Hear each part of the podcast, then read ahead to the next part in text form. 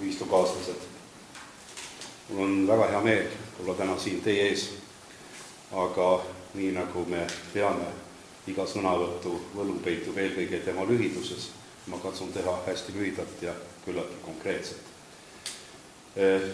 härra Veetsaar rääkis väga selgelt ja väga ilmekalt, kuidas võideldi ja kuidas kehtestati Eestis vabadus, kord, omariiklus, siis ma peaks ütlema, et täna me võitleme samamoodi. võitleme natukene teistmoodi, teiste vahenditega, teiste põhimõtete järgi, aga kui siis oli asi väga lihtne ja väga selge, sul oli vaenlane teisel pool rindejoont, sa teadsid, kelle vastu võidelda, siis täna peituvad vaenlased meie endi keskel. ja see on kõige raskem ja suurem võitlus, mida me peame ellu viima.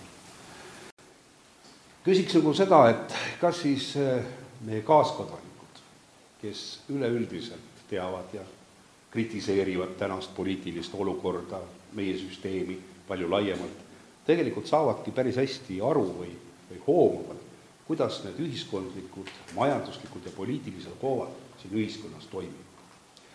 ja on olemas üks, kaks sellist väga olulist küsimust minu meelest, sest ma olen, ma võin julgelt öelda, et ma olen paljudes küsimustes praktik, sellepärast et nii Tartu Hoiu-laenuühistu tegemistes kui ka oma ettevõtmistes puutun ma kokku just nimelt selle kahe väga olulise tendentsiga, mida ma põhimõtteliselt tahaksingi teiega natukene jagada. üks asi on seesama, mida me ütleme, on avalik arvamus ja teine mõiste, mis on avalik huvi. Ja me oleme kõik kuulnud ja vaadanud ka, kuidas praegused poliitikud võtavad sõna ja räägivad, et inimesi tuleb kaasata, kõikidesse protsessi tuleb, tuleb inimesi kaasata ja inimesed peavad avaldama oma arvamust. põhimõtteliselt on see kõik õige, see on meie oma riik, me avaldame arvamust, nii edasi ja nii edasi. aga vot siin on üks aga peidus. kui me avaldame kõik ühiselt arvamust, siis on see ju avalik arvamus. aga millele tugineb avalik arvamus? Avalik arvamus tugineb paljudel juhtudel ühe inimese või subjekti teadmistele, haridusele, emotsioonile väga paljudel juhtudel, naabrijuttudele, nii edasi, nii edasi, millel ei ole sisulist põhjendust. see on nüüd nagu ühelt poolt. teiselt poolt, kui me räägime avalikust huvist, siis mis riik on Eesti? Eestit me ju kõik peame õigusruumi, õigusriigiks. ja, ja selles õigusriigis peaks olema meie omavahelised sotsiaalsed, majanduslikud, poliitilised suhted reguleeritud ju kõik seadustega. ja, ja mina näen seda niimoodi, et eh, kuidas meie saame väljendada oma siis avalikku huvi, sest me tahame ju, et meil ei oleks äh, ütleme, kauboikapitalismi, et meil oleks ikkagi need seadused, mis meie igapäevast elu korraldaksid ja me teaksime, kuidas me nendes seaduste virvarris või õigusruumis ikkagi käituda saaksime. ja sellepärast ongi meie ühiskondlik poliitiline süsteem välja töötanud sellise huvitava lahenduse, nagu need on Riigikogu valimised, need on valimised. ja Eesti on lisaks õigusriigile ka ühiskonna, võtnud omaks ühiskonnakorralduse, kus eksisteerib siis nagu esindusdemokraatia. meie valime iseenda eest inimesed, kes siis Riigikogus võtavad vastu seadusi, mis on meile kõigile täitmiseks ja mille alusel peaks toimima meie ühiskondlik ja elukorraldus. väga lihtne väga loogiline. aga siin hakkabki nüüd põhimõtteliselt tööle nagu need kaks eraldi süsteemi kui kaasatakse kogukond, siis kogukond, kogukonnale midagi ei meeldi. no ma toon teile konkreetsed näited, et oleks võib-olla paremini aru saada äh, lähe, lähiaja praktikast. me nüüd arendame äh, tuuleparki, meil on üks valmis ehitatud Purtses, sealsamas Ida-Virumaal teine etapp on äh, palju suurem ja me nüüd, kuna Kaitseministeerium on öelnud, et nad panevad nüüd uued radarid ja me saame nende projektidega edasi minna, siis me muidugi algatasime kohalikus äh, Lüganuse vallas äh, taotlused, et äh, viime läbi nüüd planeeringud uutele positsioonidele, sest tuulegeneraatorid on suuremaks läinud ja, ja peab paratamatult, kui me jälgime seadust, me peame seda lihtsalt tegema. siis tuli külarahvas kokku ja kirjutasid seitsekümmend või ma ei tea, palju neid allkirju oli, kirja, et nemad on kõik selle tuulepargi vastu. ja nüüd ongi see vaene vallavalitsus ja vallavolikogu liikmed dilemma ees. mida siis teha?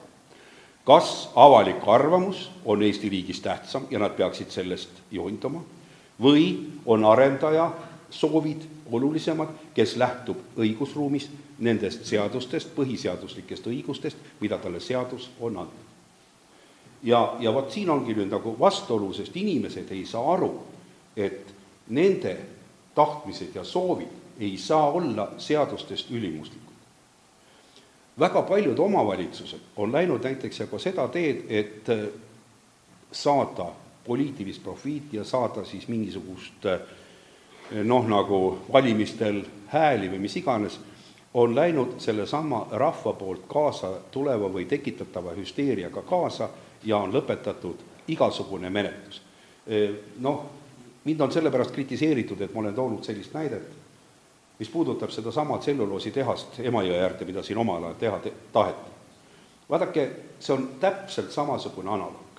kui on olemas ettevõtja, kellel on tahtmine oma noh, plaani realiseerida, siis ta pöördub kohaliku omavalitsuse poole. kohalik omavalitsus algatab planeeringu ja koos selle planeeringuga määrab ära need kriteeriumid, mida tuleb arvestada ja need peavad tuginema ja lähtuma olemasolevast õigusruumist ja seadustest. kohaliku omavalitsuse roll on kontrollida ja veenduda, et nendest peetakse kinni ja ei toimu mitte mingisugust looduse reostamist. kõik on väga lihtne ja loogiline. aga selle asemel, et mitte, mitte minna seaduslikku teed, võetakse kuulda selle rahva kaasamise tohutu arvamus ja tõmmatakse väga paljudele ja headele ärimõtetele vesi peale. kui nüüd näiteks see tselluloositehas oleks ehitatud valmis,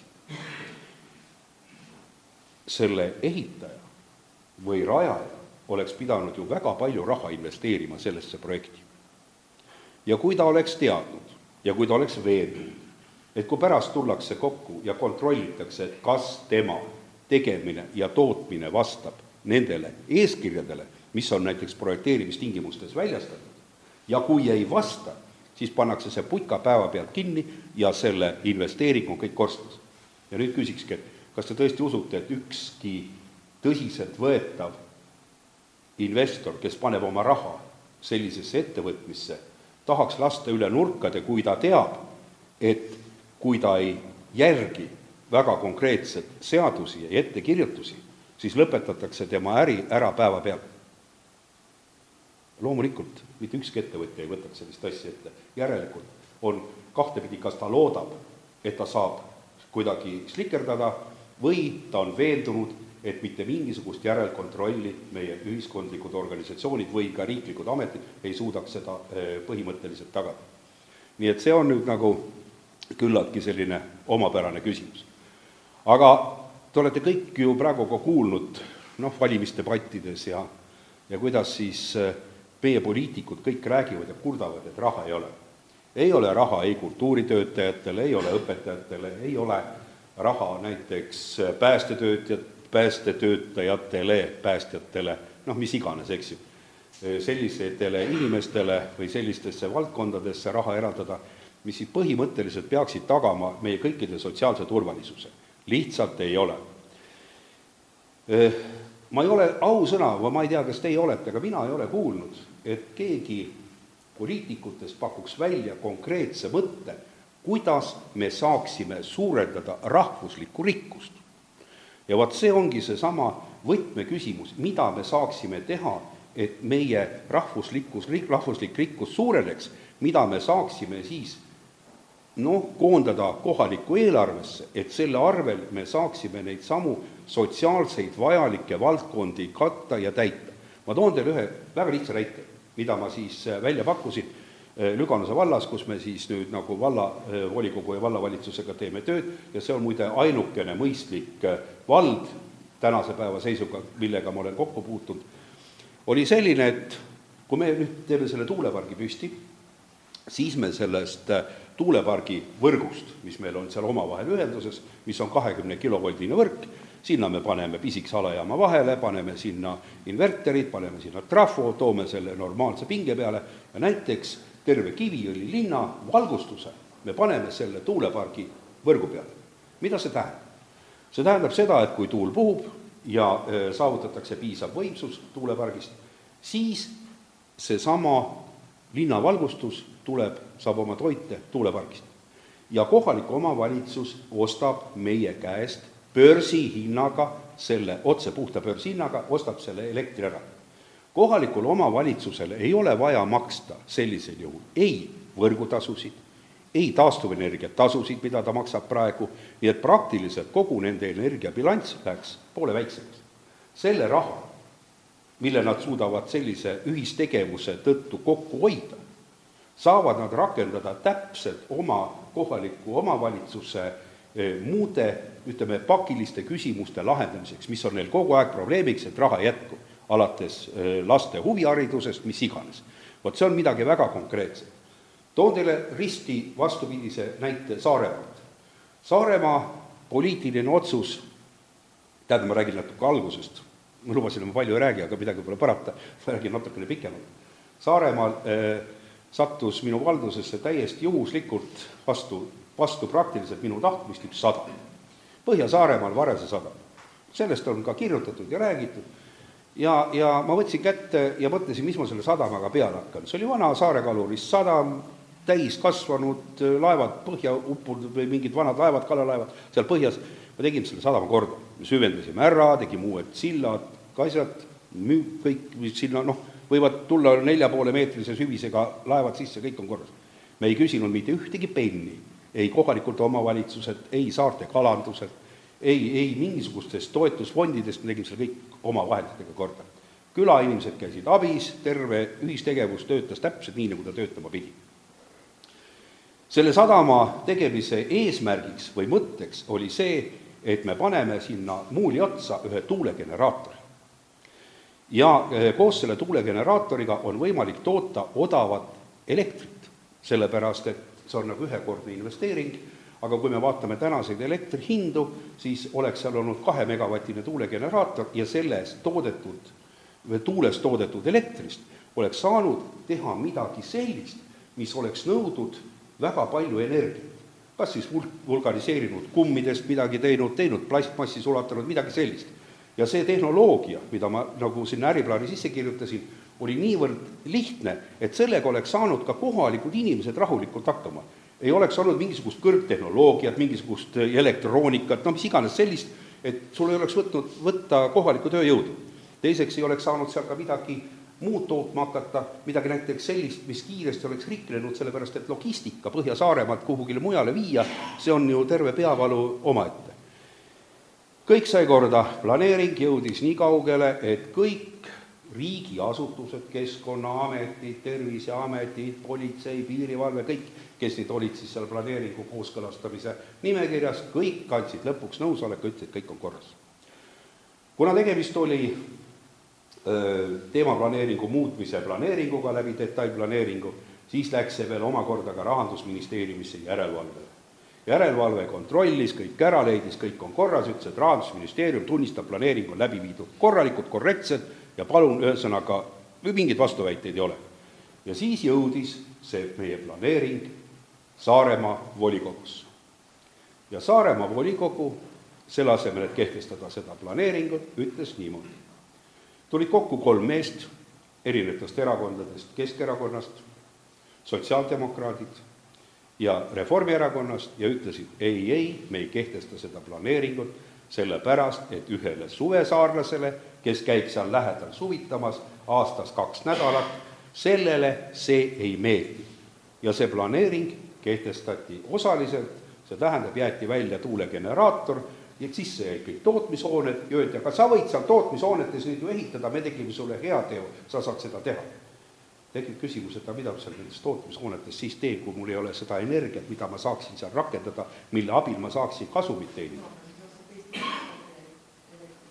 Eesti Energiast ei saa sealt elektrit osta, sest kõrgepingeliinid läksid katki ja panid metsa põlema, nii et noh, sealt ei tule, sealt traadist ei tule niikuinii mitte midagi sellist läbi.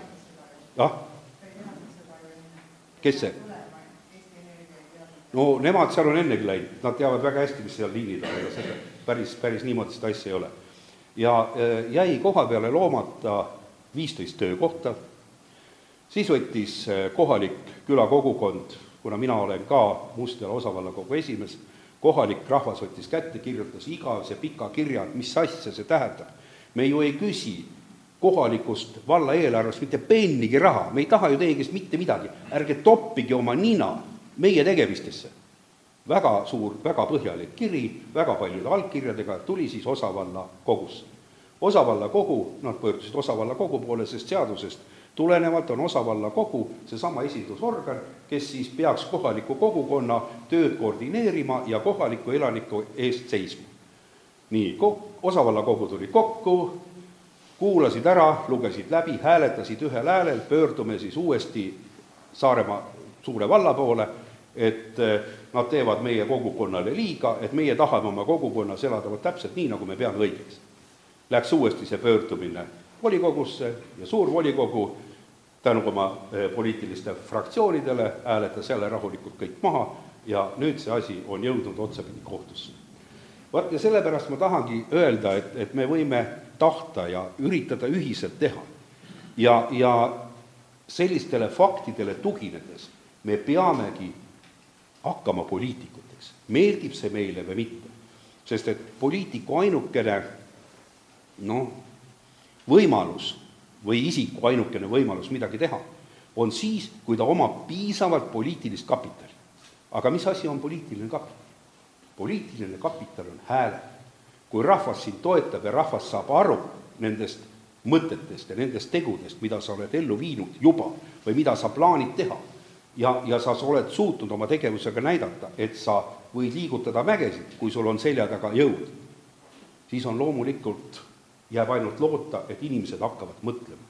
et mitte nad ei reageeri ainult tunnussõnadele, vaid nad mõtlevad ja nad saavad aru, kuidas peaks elu siin riigis edasi minema. ja vot sellepärast ma ütlengi, et me oleme siin ka, Androga, need erinevates erakondades, Andro Keskerakonnas, mina olen Isamaa nimekirjas, kuigi ma ei ole Isamaa liige olen nagu valimisliiduga, kandideerin Saaremaal. ja, ja me teeme kõik selleks, et see mõistuspärane arusaamine, et see mõtlemisvõime, see inimeste tahe jõuaks sinnamaale, et meil, kes me tahame tõesti midagi teha kogukonna hüvanguks, ühiskonna hüvanguks, et me saaksime nii palju inimeste hääli, et nad ei läheks kaasa suurte plakatitega, nende, mis siin igal pool välja on pandud, et nad ei valiks kohtadele toodud dekoratiivtoljasid lihtsalt nime pärast, et nad on seal olemas, vaid ikkagi neid inimesi, kes suudaksid kohtadel elu edasi viia. ja vot sellepärast ütlen ma veel kord, tähendagu kõik muu, mis tähendab, kui inimesed ühiselt teevad, arendavad ühistegevust, saavad aru ja neil on üks eesmärk, nii nagu oli omal ajal eesmärk püstitatud, et need, kes näitavad üles erakordset vaprust oma riigi kättevõitmisel saavad maad, saavad oma talu, siis ega olukord on täna täpselt samasugune. me ei saa pakkuda maad, me ei saa pakkuda talu, aga me saame pakkuda inimväärset elamist või, või elukeskkonda meie samas oma riigis, oma kodus. aitäh teile!